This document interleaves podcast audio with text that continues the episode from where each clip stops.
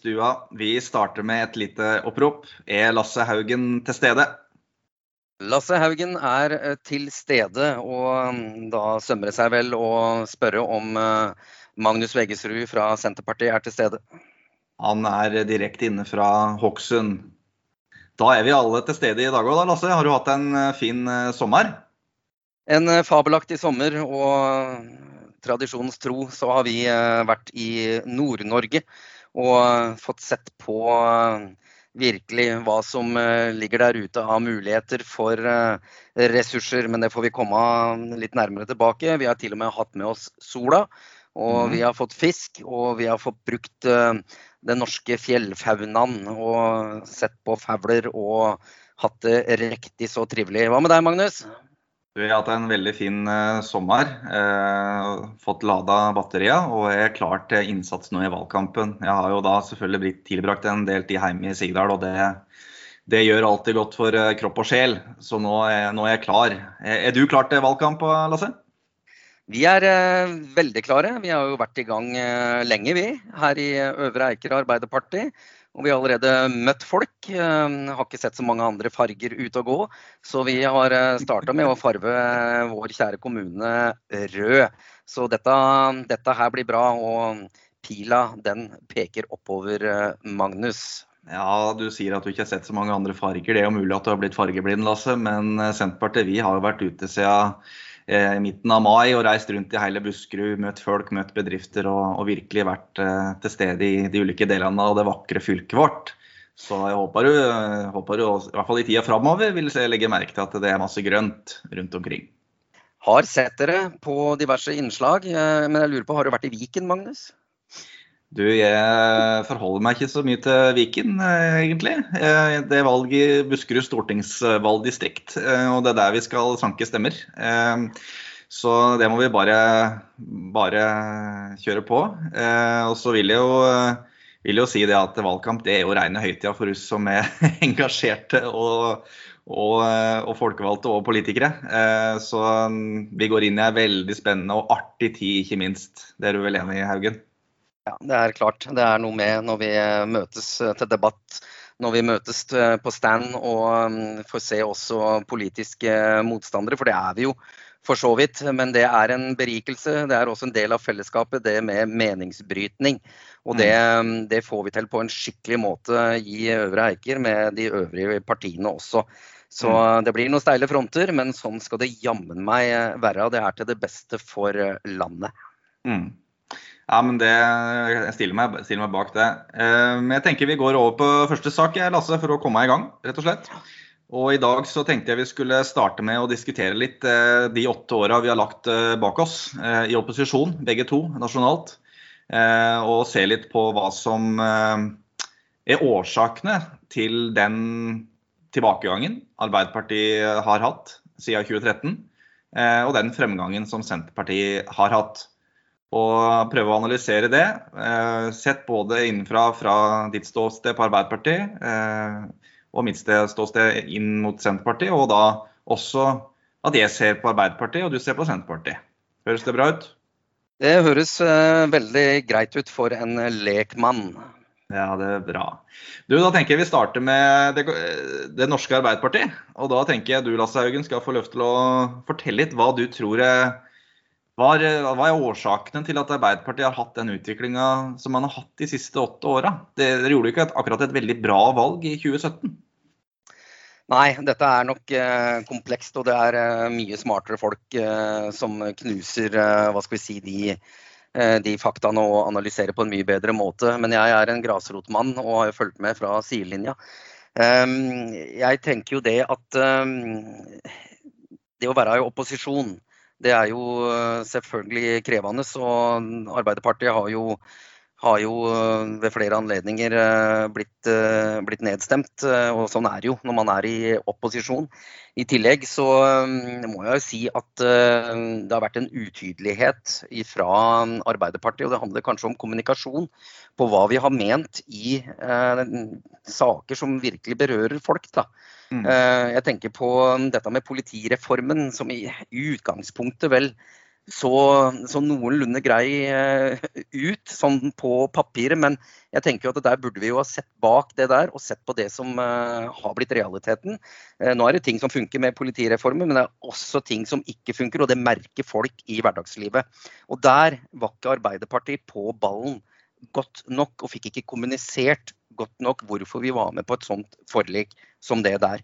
Og Det legger folk merke til, for dette er viktig. Det handler om sikkerhet og det handler om beredskap. Og det handler om uh, nære tjenester der hvor folk bor. Det kan være én uh, forklaring. Um, det har også vært sånn, og det er uomtvistelig hvis du leser SSB-tall, at uh, ulikhetene i Norge det øker. Og da handler det om også å få synliggjort på hvilke arenaer de ulikhetene virkelig øker, og hvilke konsekvenser dette her får for folk rundt omkring i byene og i bygdene. Eh, og vi er heller ikke der eh, gjennom denne tida, spesielt nå mm, vi snakker jo første periode og delvis i andre periode.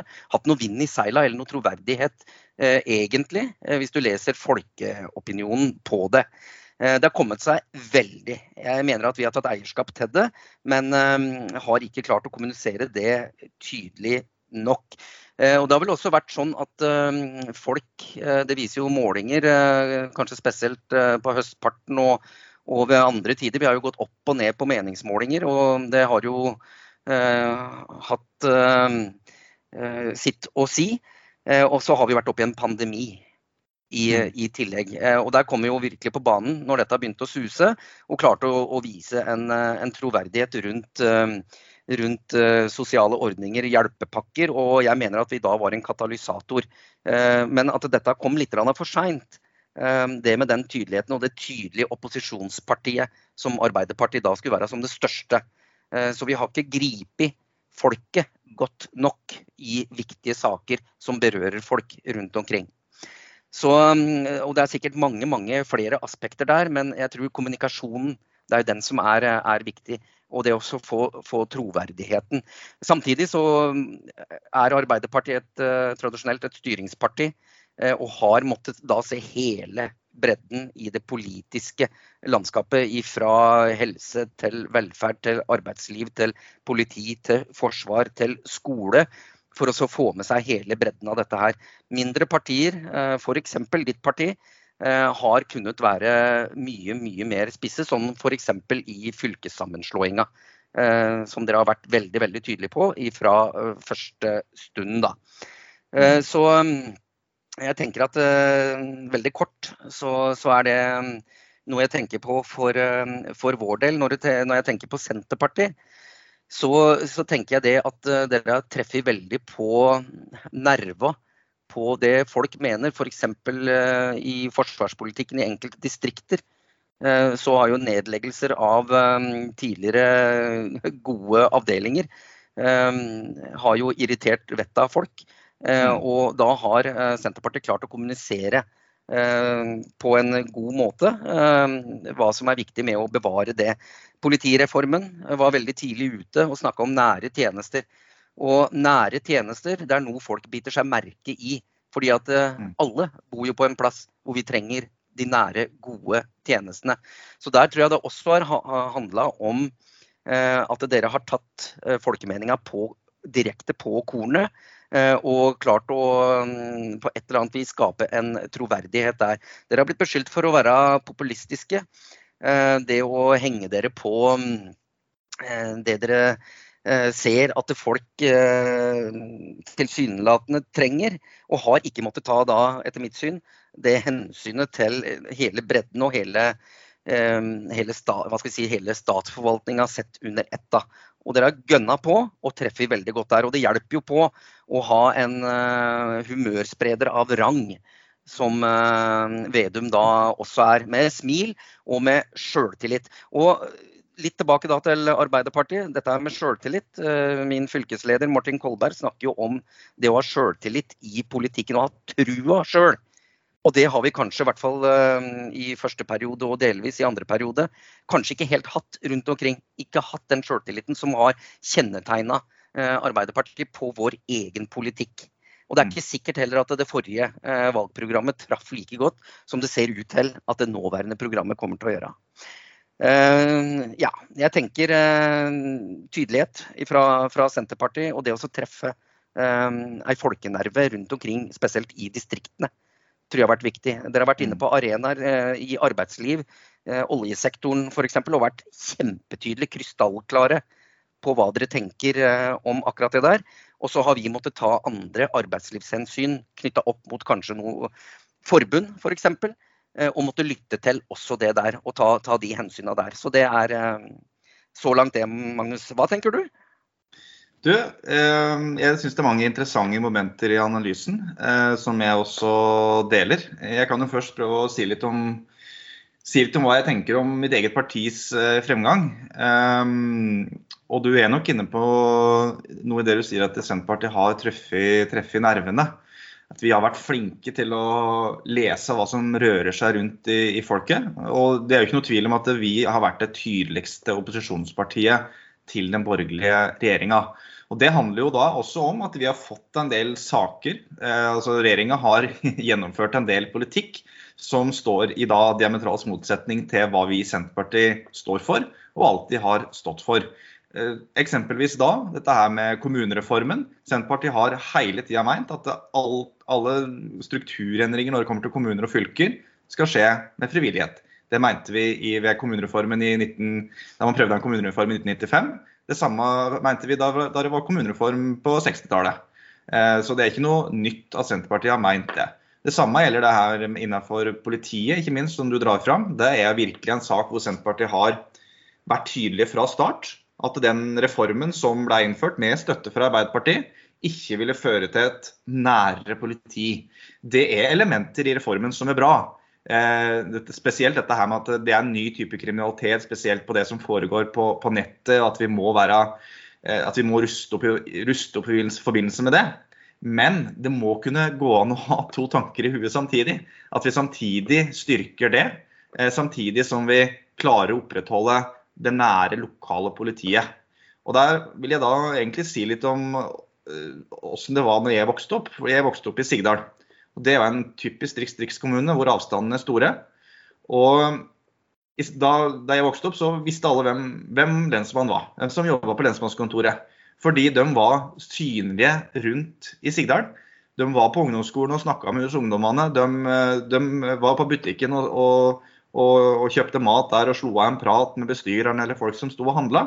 Og det ga en helt annen tillit til det politiet som eh, politiet på den tida. Eh, mens nå så er det sånn at uh, når politiet er i Sigdal, så er det for at det har skjedd noe galt. Uh, ofte så kommer de etter at brann og ambulanse har kommet til f.eks. ulykkesstedet. Uh, og Jeg snakka selvfølgelig ofte med ordføreren i Sigdal som er, som er Senterpartiet, og hun sier at det det er en evig kamp med å få, med å få økt tilstedeværelse for politiet i, i, bygda. Og sånn skal det ikke være. Det skal ikke være sånn at noen innbyggere i dette landet her er annenrangs borgere og, og, og, og, da får dårligere trygghet enn folk som bor i de, i de bynære strøka. Og jeg vil også trekke fram i den forbindelse dette her med lokalkunnskap og, og det å kjenne lokalmiljøet. For det er jo noe man også husker tilbake her i Øvre Eike, Lasse, fra 90-tallet, da man hadde utfordringene med, med, med nynazistene og de høyreekstreme miljøene som var her. Det var jo, Grunnen til at man klarte å få bukt med det, var jo nettopp fordi politiet, det lokale tilstedeværende politiet, som kjente Øvre Eiker, kunne sammen med kommunen, sammen med frivillige lag og foreninger, sammen med det politiske miljøet, klare å rydde opp og lage en helhetlig plan. Og Det er det som er hovedkritikken til Senterpartiet i, politireformen. Og Der har vi virkelig treffet en nerve. Og så er det selvfølgelig også andre distriktssaker som vi, vi, har, vært, uh, vi har vært tydelige i. F.eks. I forsvarspolitikken, der Arbeiderpartiet gikk sammen med regjeringa for å nedlegge Andøya flystasjon, som Senterpartiet var imot, og som også har skapt mye, veldig mye furore. Eh, og det andre også typiske distriktssaker, f.eks. domstolsreformen, hvor man har hvor man har eh, lagt ned tingretter og, og sentralisert også på den, på den fronten. Og på, og på, flere saksfelt også utover det.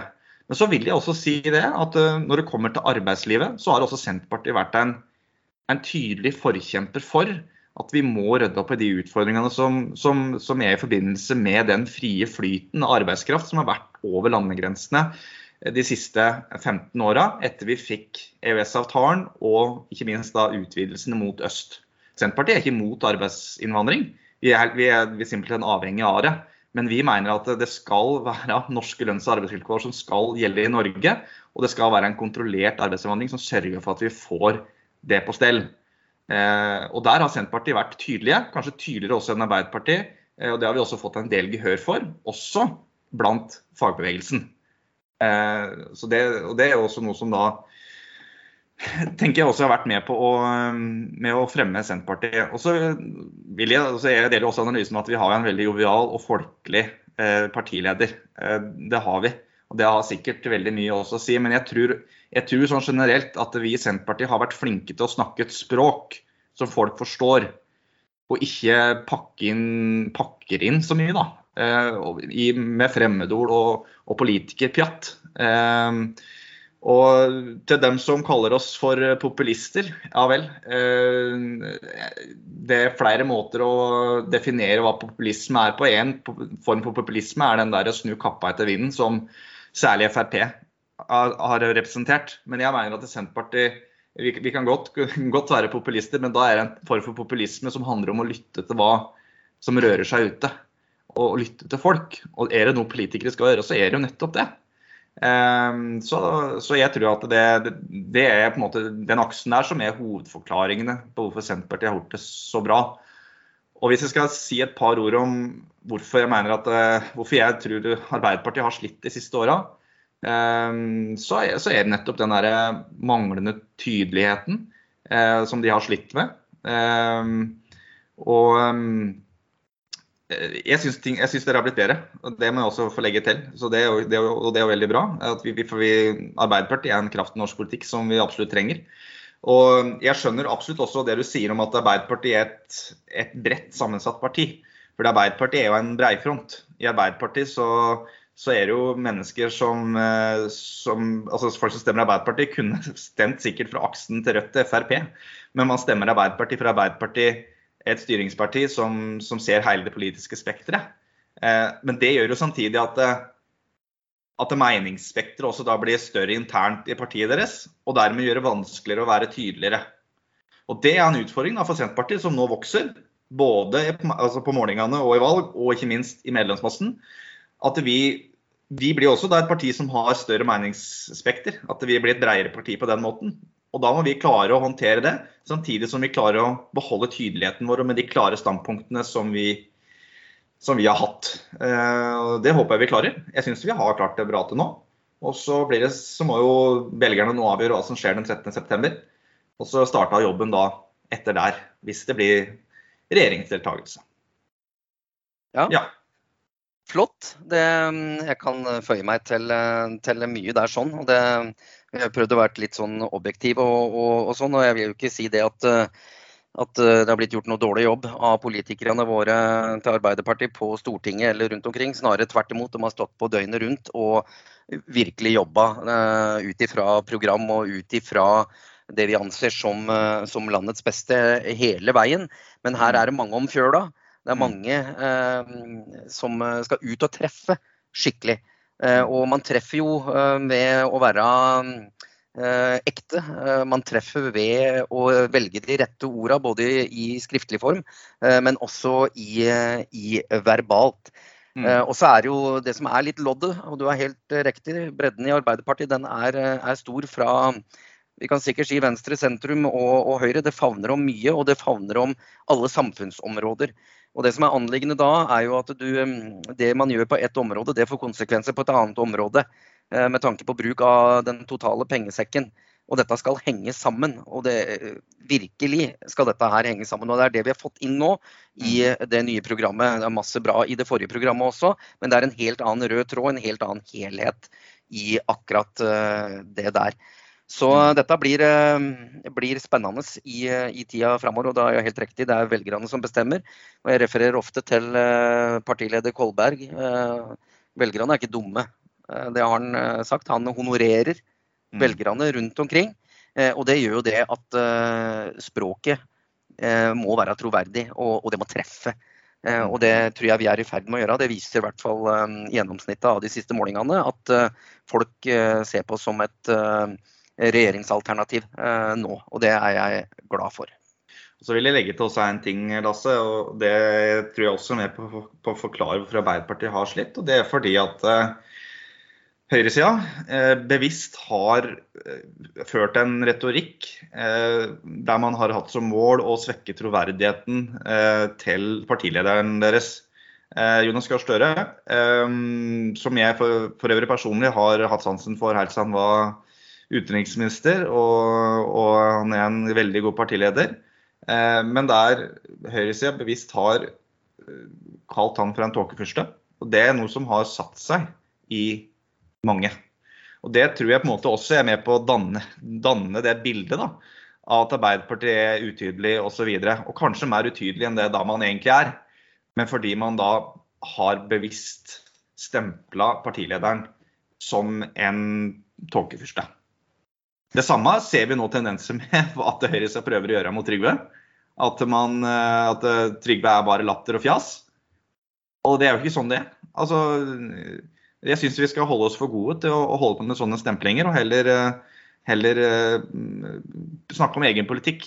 Og, og, så tenker jeg det at det er ikke noe galt å ha godt humør heller, for Trygve sin del. Er, jeg tror det er veldig sunt. Og det kunne gjerne enda flere politikere prøvd, det å smile litt mer. Rett og slett. Ja, og kommunikasjonsmessig så viser jo seg det at folk appellerer mer til smilende Eh, mm. glade, eh, joviale mennesker. Og hvis man i tillegg har noe vettugt å si, så er jo det en bonus. Og du er jo inne på noe helt essensielt og vesentlig, og det er jo ordets makt og hva som henger ved en. Hvis mm. det får lov til å spinne. Det er jo et begrep som heter spinndoktorer, og, og, det kan hende at det er litt i sving rundt omkring for å lage eh, noe bilder av en politisk motstander. Mm. Eh, og det, dette er en del av spillet, og jeg tror eh, vår partileder eh, Eh, kan dette og lever eh, godt ved det. Og jeg tror eh, at vi, vi, vi framover har vist det, at dette er ikke noe tåkefyrste. Mm. Uten å bruke så veldig mye mer tid på akkurat det personmessige her. Sånn. Men jeg har trua. Jeg har kjempetrua på Jonas Gahr Støre som vår statsministerkandidat. Da. Mm. Så er det også sagt. Ja. Men eh, Lasse, når du nevner statsministerkandidat, så bringer det meg egentlig over på sak nummer to. Og det er, eh, det er dette her med regjeringsalternativer. Altså hva, hvem, eller hva skal, og hvem skal samarbeide, og hva skal man samarbeide om? Eh, posisjoner er én ting, men det viktigste er selvfølgelig politikken. Men kan med, vi kan jo begynne med dere, del, Lasse. Hva, hvem, hvem vil dere samarbeide med hvis dere får nok tillit den 13.9? Plan A er jo eh, en eh, regjering bestående av Arbeiderpartiet, Senterpartiet og SV. Eh, det så vi i riksavisene ja, i dag, tror jeg, eller i går, at det er der hvor vi er. Vi, vi tenker en bred koalisjon som har fungert bra før og hvor man kan enes om veldig veldig mye god politikk som er eh, ganske forskjellig fra den politikken som har blitt eh, gjennomført de siste åtte åra.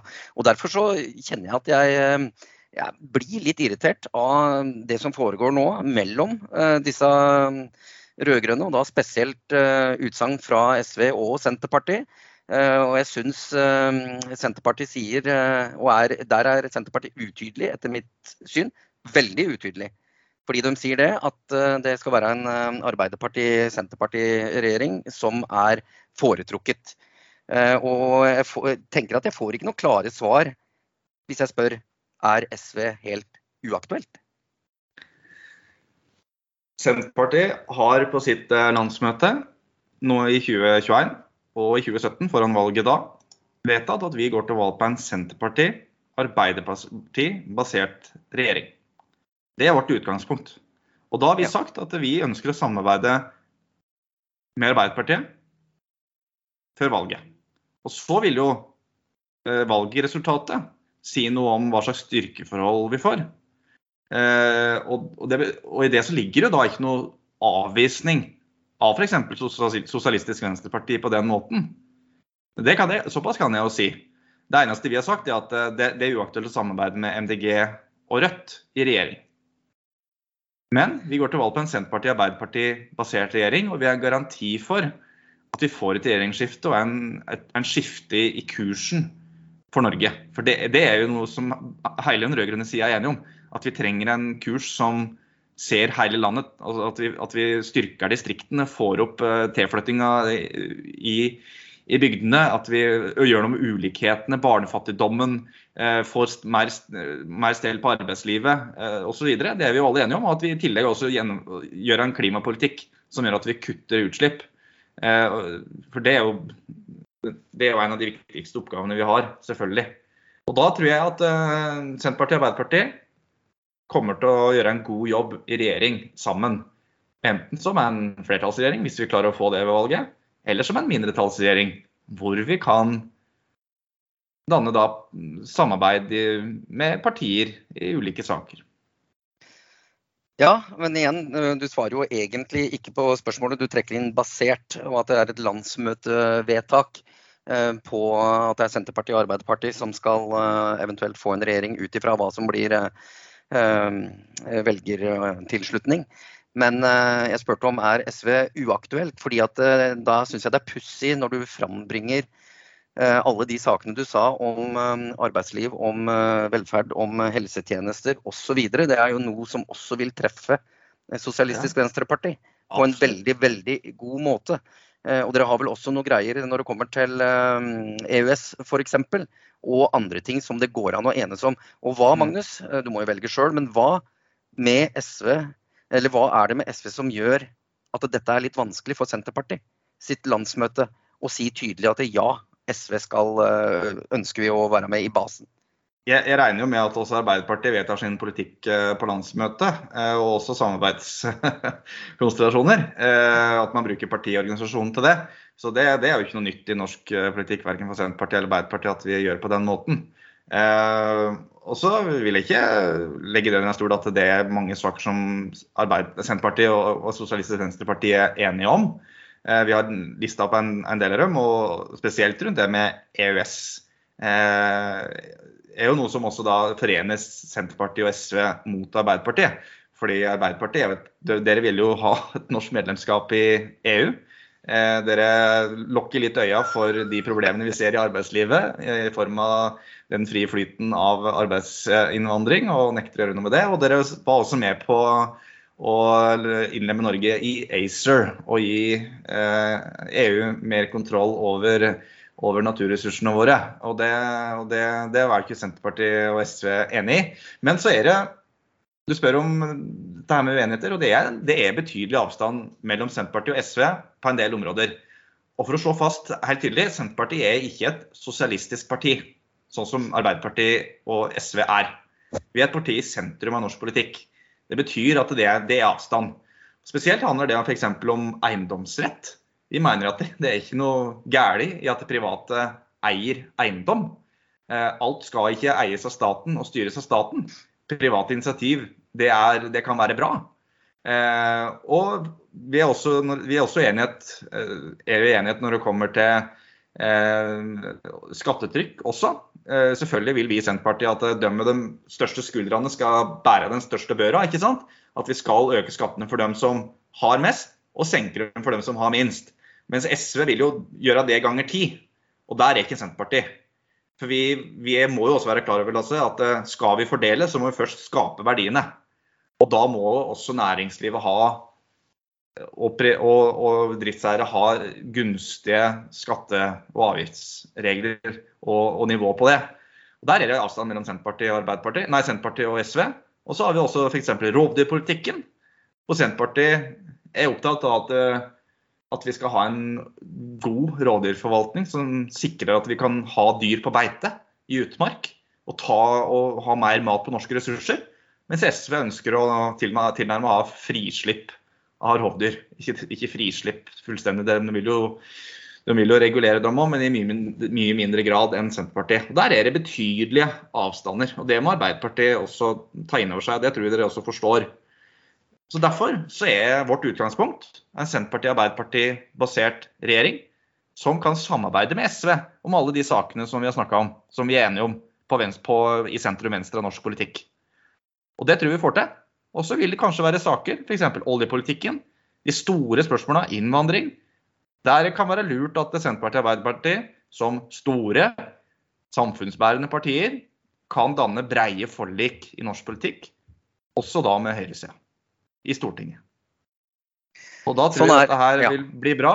Og, da, og med Trygve Slagsvold Vedum som statsminister, så får vi en trygg styring av landet. Ja. Eh, jeg er jo uh, uenig i det siste. Uh, selvfølgelig. Jeg, jeg tenker at Mener du at Trygve er uegna som, som, statsminister, Lasse? Nei, det har han ikke prøvd. Så det vil han sikkert få til, som Pippi Langstrømpe hadde sagt. Eller Ole Brumm, eller hvem det var. Men, ehm, men, eh, jeg tenker Jonas Gahr Støre er eh, den opplagte statsministerkandidaten på den sida der.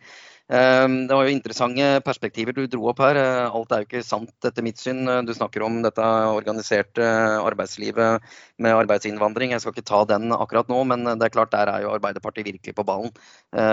Og i samarbeid med fagbevegelsen og fagforeninger. og Ehm, og, og, virkelig er på der med den eh, arbeidsinnvandringa og ordne tariffavtaler og, og sørge for ehm, at det er eh, riktig antall mennesker som kommer inn og som har den nødvendige kompetansen og som har gode arbeidslivsvilkår eh, om du kommer fra et annet land. Så vi trenger arbeidere fra, fra andre land. sånn sett, Så kan vi diskutere dette med fri flyt. Vi kan også diskutere det du sier om Arbeiderpartiet er for EU. Det har ikke vi behandla. Men vi er soleklare Eh, solide på eh, at EØS-avtalen den er et gode for, eh, for Norge. Samtidig, jeg hører jo hva du sier. Jeg hører bare basert, og jeg, jeg, leser det sånn at det er uaktuelt. Magnus, du vil ha replikk? Nei, du, du, kan, fort, ja. du kan, avslutte Men da, ja, da skal jeg avslutte ganske kort. fordi Det jeg tenker kan være en fordel da med en rød-grønn side, som ved Stoltenberg-regjeringa ved to anledninger, det er eh, den bredden som vi da får eh, med eh, av, av venstre- og, og sentrumpolitikk. Det å dra hverandre, det å skape de arenaene for å skape en best mulig politikk for landets innbyggere. Og jeg vil tro når disse som skal eventuelt fordele posisjoner og sette en plattform, så er det å gi og ta. Eh, og så handler det om at vi må ha en ny kurs for dette her landet når det gjelder en god del områder. Og de store linjene, det er jeg helt sikker på at de tre partiene eh, på en utmerket måte klarer å enes om. Og derfor så er det, er det det er jo media, da, men uh, lite ålreit å høre disse soloutspillene, spesielt fra SV og, og, Senterpartiet, om ditt og om datt. Det er vi ikke tjent med. Og dette vil høyresida spinne videre på eh, fram mot, eh, mot, valget. Her må vi enes, og vi må si at eh, det er et rød-grønt alternativ som vil eh, være det beste alternativ for, eh, for Norge. Ja, det, det, Senterpartiet har jo Ingen fra Senterpartiet har sagt noe annet enn at vi går på, til valg på et rød-grønt alternativ. Men Senterpartiet og Arbeiderpartiet-basert regjering. Og da vet jeg at du, du blir sikkert bli lei at vi sier det, men vi forholder oss til det landsmøtet har vedtatt. Men så vil jeg også utfordre deg litt tilbake, Lasse. Fordi du sa innledningsvis at Arbeiderpartiets plan A det er en Arbeiderparti-Senterparti-SV-regjering. Men når man har en plan A, så har man også en plan B. Og hva er det? Er det at dere skal samarbeide med Rødt og, og MDG? Skal dere ha bensinpriser på 30 kroner literen? Skal dere ha bomringer med skyhøye priser? Skal dere, ha, skal dere avgiftsbelegge kjøtt? Så det blir helt uh, kjempedyrt for, uh, for forbrukerne å ete norsk kjøtt og gjøre det helt tullete for bonden å produsere i det hele tatt, egentlig. Å stenge oljekrana innen bare få år og, og, og kaste flere hundre tusen nordmenn ut i arbeidsledighet, er det det Arbeiderpartiet vil? Nei, Magnus, det er det ikke. Så vi skal ikke begynne å ete insekter og gras fra og med valget. Men hva er plan B? Hva er plan B? Nei, Eh, du spør om plan B. Jeg vil bare si det at eh, så vidt meg bekjent Du sa at dere hadde plan A? Ja, vi har en plan A, så vidt meg bekjent. Eh, og da må folk fra Youngstorget eller andre steder arrestere meg. Så er ikke på trappene med et regjeringssamarbeid med Rødt og MDG. Det har, det har vært veldig tydelig kommunisert. Men en parlamentarisk støtte i enkeltsaker, ja, det vil vi helt sikkert få. For det er mye sammenfallende der også innenfor enkelte områder. Eh, og mm, plan B eh, Jeg sitter ikke eh, godt nok i det til å kunne si hva plan B er. Fordi at vi har da klokketro på den plan A. Og så får våre toppolitikere og ledelsen når dette skal diskuteres og bli enige om, så får de presentere den plan B. At det finnes en plan B og en plan C, det er jeg helt overbevist om. Men at en mann på grasrota på stående fot skal ta den, det klarer jeg ikke, Magnus. Nei. Men nå har vært det litt temperatur, og det, det er jo bra, Lasse. Men uh, da har jeg jo et spørsmål, siste spørsmål, egentlig. fordi på ap.no for bare noen få dager siden Det er jo da ikke arbeiderpartiet.no, eller Arbeiderpartiets hjemmeside, men Aftenpostens hjemmeside. De har stjålet det, det domenet, kanskje litt til forargelse for dere på, på Youngstorget. Men der kunne vi lese at uh, interne kilder i, i, toppen av Arbeiderpartiet uh, mente at hvis det ikke ble Arbeiderpartiet, Senterpartiet, SV, så vil Arbeiderpartiet regjere alene. Er det sånn å forstå at dere driver med hemmelige planer og har det som en plan B, at Arbeiderpartiet skal danne en mindretallsregjering alene? Og Det er fremdeles sånn. da. Jeg er ikke involvert i de samtalene der hvor de overordnede strategiene legges. Jeg har også sett den. Et alternativ med Arbeiderpartiet som regjeringsparti alene. Eh, det har fungert meget godt før. Jeg mener Gro Harlem Brundtland gjorde det i sin tid. Fikk til eh, mye god politikk med vekslende støtte fra de andre partiene. Så en skal jo ikke se bort ifra at det eh, kan bli realitet. Men dette handler jo om velgerne. Det handler så Arbeiderpartiet er ikke fremmed for å samarbeide med høyresida i enkelte saker i Stortinget som i mindretallsregjering? Nå er det jo sånn også at Senterpartiet ved flere anledninger stemmer godt sammen med, med høyresida i norsk politikk.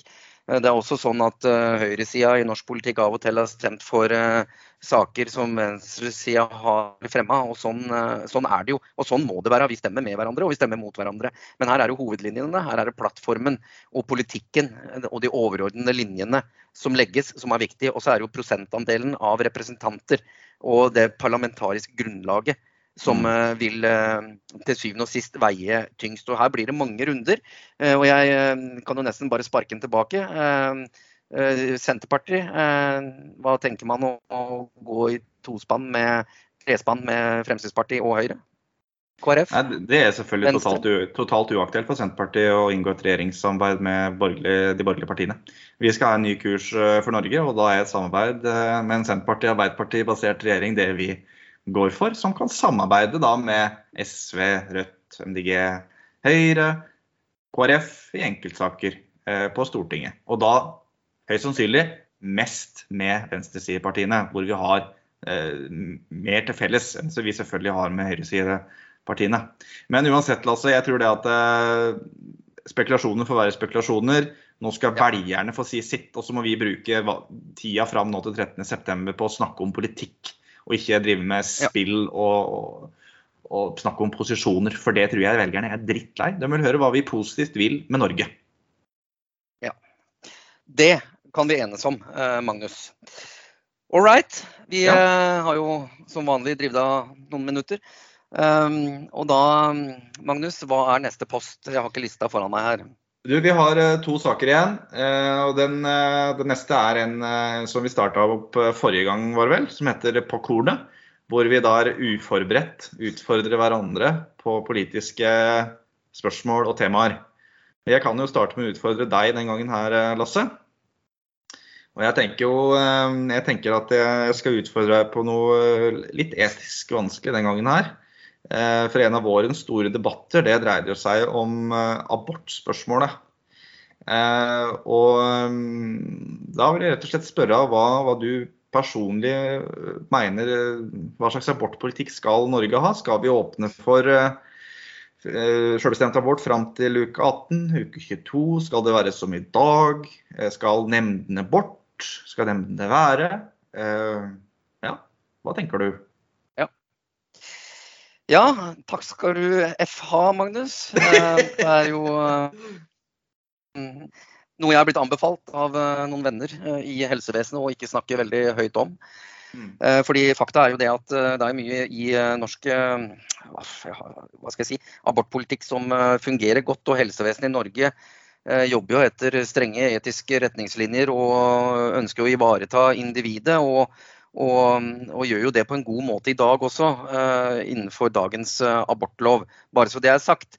Uh, jeg har veldig stor trua på dem som er i situasjonen at de er gravide og på en eller annen måte dette skal avsluttes, så, så følges det ja, det følges godt opp. da. Samtidig så har jo Arbeiderpartiet på sitt landsmøte vedtatt da selvbestemt abort til uke 18, men da med en utredning på hvilken type helseoppfølging man skal ha. Det er den passusen, pasusen, eller den eh, Ikke nøkkel, men betingelsen som vil ligge der. Da. Men i praksis så er det jo selvbestemt abort til uke 18. Og den, den støtter jeg. Og jeg tenker at det er Det bør være med tanke på den selvbestemte retten til egen kropp og det å bestemme det. Eh, jeg syns det er kjempevanskelig, men jeg tror det med eh, et godt rusta helsevesen som veit hva de snakker om, og som veit hva de gjør, og som kan være sammen med det mennesket som er, eh, er gravid og, og, som har valgt å avslutte dette seinere i svangerskapet enn uke tolv, da mener jeg at det til syvende og sist er, er kvinnens valg. Det er sånn. Og jeg, men med støtte. Det er, er, viktig for meg, den helsefaglige støtten hele veien. Som man for så vidt da også har i dag. Jeg har sagt det mange ganger nå, men, men jeg støtter den uh, linja som partiet har lagt seg på der. Sånn, da. Men enkelt var det jo ikke å behandle den uh, saken der. Det er ikke det. For mange er dette vondt. Det er trist. Noen ganger så um, så blir man rådvill, og, og, det blir sorg oppi dette. Og man kommer opp i som du sier, et etisk dilemma når et hjerte inni magen dunker. Mm. Og et liv er under emning, uansett hvilken form det livet får. Mm. Uh, men så er det kvinnen uh, som, som, skal ha det siste, siste, ordet der. Det er uh, min soleklare mening, da. Men ikke enkelt, Magnus. Nei, jeg er helt enig i det, altså. Ja. Så kan det hende vi kommer tilbake til det temaet kanskje også i en senere podkast. Ja. Mm. Det kan jo hende. Hva har du til meg? Uh, ja, jeg uh, sto jo mellom uh, et par saker. Jeg tror jeg velger en litt sånn etisk sak, det òg, Magnus. og Senterpartiet, tenker på partiet ditt, har jo også en konservativ slagside. Eh, jeg har oppfatta mange eh, veldig opptatt av norsk eh, kristen kulturarv. Konverteringsterapi, Magnus. Det som mange kaller homoterapi. Mm. Hva tenker du om det? Skal det være sånn at det skal kunne tillates? At man kan drive terapi på på mennesker som er eh, homofile og som etter sigende ønsker å komme seg ut av den legninga. Skal det gis tilgang til det? Det raske og kontante svaret på det, det er nei. Det skal eh, eller det skal, det skal, ikke være tillatt, og ja, det skal forbys. Og Det er også Senterpartiet enig i. Eh, jeg lurer på om vi også, Det var, det var noen forslag i Stortinget i, enten i fjor høst eller, eller noe sånt, der Senterpartiet støtta det. Eh, så det står Senterpartiet fullt bak, at det skal ikke være sånn at eh, det skal være lovlig med, med konverteringsterapi. Eh, det der, er, det der er Man har sett noen ganske stygge eksempler fra mennesker som har blitt utsatt for det der, og det er en stor psykisk påkjenning. Og det er jo et opplegg som bygger på et helt premiss om at man kan endre en persons legning. Altså det er noe man er født med. Det er ikke noe som kan endres gjennom sjelesorg eller, eller, eller psykologtime for den saks skyld. Um, så, men så selvfølgelig så er det, jo en, det jo en vanskelig debatt fordi de som er mot et forbud, de er jo ikke nødvendigvis for at mennesker skal utsettes for psykisk, eh, psykisk eh, manipulasjon eller, eh, eller, den slags. Man, men det handler jo også om at det er jo et, eh, en viktig rettighet det man har med religionsfrihet, at man skal utøve fritt den religionen man har. Men jeg mener at det her grensa det også da opp mot den menneskerettigheten som handler om at man skal få kunne eh, leve som man vil, altså å være den man vil. Eh, og Det er jo også, også, en viktig rettighet alle mennesker skal ha. Og da mener jeg at Når dette her da volder skade mot de menneskene, så må den religionsfriheten som enkelte da mener at dette her representerer, den må vike. Sjøl om jeg mener at det, altså prinsipielt religionsfriheten skal stå sterkt, og det vil vi kjempe gjennom begge to, Lasse, det vet jeg. Så, Men uansett, det der er en uting. Det skal vi ikke ha noe av. og Senterpartiet støtter det fullt ut. Og det har jo nå regjeringa også foreslått at man skal eh, gjøre noe med. Eh, så skal vi følge opp det hvis vi får også regjeringsmakt til høsten. Men eh, godt spørsmål. Takk for det. Ja, og likeså. Og her er enda et eksempel da på rød-grønn forbrødring og forsøstring mm. mellom Arbeiderpartiet og Senterpartiet og SV. Mm. Eh, her er det også ting som vi kan enes om å få med i en god plattform når disse tre eh, partiene da skal eh, til syvende og sist innta regjeringskontorene, Magnus. Ja. ja jeg tror jo også at en Senterparti-Arbeiderparti-basert regjering ville kunne ordne det også på en fin måte, så ja. ja akkurat. Ja da. Yes, vi får nå se, Magnus. Det er velgerne som bestemmer. Ja. Det det. Ja, vi har en post igjen. Eh. Det er jo den litt sånn eh, fine spalten vi har eh, til slutt, der vi kommer med ukas anbefaling. Og da kan vel kanskje jeg starte en gangen her, da. I og med at du starta forrige, forrige post. du, jeg skal anbefale mm, noe jeg gjorde i sommer, jeg. Ja. Når jeg slapper av og på en måte kobler helt av og har, på en måte føler jeg har helt fri da er jeg ute i skauen eller oppe på fjellet. Da klarer jeg virkelig å bare koble helt av og, og, og kjenne på friheten. Eh, og Derfor så vil jeg anbefale folk å ta seg en gåtur. Og da vil jeg rett og slett anbefale å ta en gåtur opp på det som kalles for Drottninggutenatten. Og Det er jo da det fjellet man ser når man kjører opp mot Eggedal. Eh, der ser man da at det er to, eh, to topper, og så er det et slags passasje i midten. Det kalles da Drottninggutenatten på høyre side, og så har du Skåråliåsen på venstre side. Og Drottninggutenatten har da fått sitt navn ved at dronning Margrethe, ikke den danske dronninga i dag selvfølgelig, men dronning Margrethe av Norge på 1300-tallet rei igjennom der på tur til eller fra Bergen, det husker jeg ikke. Men det er en fantastisk tur i veldig fin natur. Og det er jo en grunn til at uh, malerne Kittelsen og Skretsvig bosatte seg i Sigdal, nettopp fordi man der fant den vakreste naturen vi omtrent har i hele landet, sjøl om vi selvfølgelig har fin natur også andre steder. Men jeg vil i hvert fall anbefale Drottninggutenatten. Man finner uh, stier man kan gå på på ut.no, for å reklamere litt også for den appen som vi har brukt flittig i sommer. Så kom dere kan ut, gjerne på Drottninggutenatten. Hva har du anbefaler, Lasse? Jeg har også en, eh, en, anbefaling her. Og mm, det er nok eh, litt annet eh, denne gangen. Men vi har jo vært igjennom en markering av terrorangrepet på mm, Utøya og i regjeringskvartalet. Angrepet mot Arbeiderpartiet og AUF. Og jeg vil anbefale boka til Tonje Brenna som heter 22.07. og alle dagene etterpå. Eh, det er ei bok, eh, ikke veldig tykk, den er på et par hundre sider. Og den eh, treffer meg midt i mellomgulvet. Den er velskrevet. Den er utleverende. Og den er skrevet av et sannhetsvitne som da var på Utøya, og som opplevde dette her på nært hold.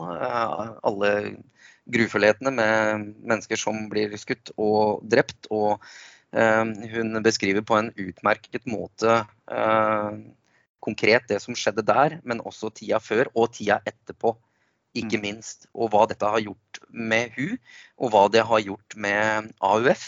Hva det har gjort med Arbeiderpartiet, men også hva det har gjort med mennesker rundt omkring i landet. Uh, hun er dønn, etter mitt syn, dønn, dønn ærlig og veldig, veldig uh, på en måte utleverende i, i tankesettet sitt. Så um, den eh, Jeg blir ikke rysta, men jeg blir, um, jeg blir berørt. Og, og, jeg vil anbefale alle sammen å, å skaffe seg den eh, boka eh, for å få ett av perspektivene på terrorangrepet i 2011. Mm. Så um, det var jo ikke noe sånn uh, avslutning sånn sett, men, men få lest den. Ja, en, uh, veldig, fin, veldig, fin, anbefaling, eh, Lasse. Ja. Jeg har ikke fått lest boka sjøl, men det skal jeg få gjort. Jeg samarbeider jo også med Tonje i, i fylkestinget Viken. Og hun er en utrolig dyktig politisk leder. Hun er Norges dyktigste. Det, det, vil jeg tørre faktisk å påstå. Som vi kommer til å se veldig mye av i åra framover. det, det. det det tiltredes jo, og det tror jeg også Arbeiderpartiet, SV og Senterpartiet kan enes om. Eh, ja, Både det og din, din turanbefaling, Magnus. ja. Dette blir, dette blir, så bra, så. Ja da, vi får se det. Altså. Vi må vel prøve å få til kanskje en podkast eh, til før valgdagen, ute, i, ute, september, ute nå i august, når det kanskje har gått et par uker. Vi har liksom fått kjent litt på trøkk i valgkampen, så burde vi jo kanskje ta en liten sånn temperaturmåling det må vi gjøre. Vi må, nå må du slutte å reise rundt og besøke drotningstuer og Andersnatter og, og sånne steder. Også for å holde deg hjemme, uh, hvor det er mobildekning eller uh, PC-dekning. Og så får vi, um, får vi, ta dette her ganske kjapt. Det har vært en liten pause, men vi har hatt jævlig mye å gjøre ja, på hver vår kant. Ja. Det, har vi, det, har vi, Men vi, vi fortsetter framover nå, og så skal vi også gjøre en del podkaster i høst. Det, ja. det, det er planen. Men da tenker jeg vi takker eh, for i dag, og så høres vi igjen snart. Takk for i dag. Takk for i dag.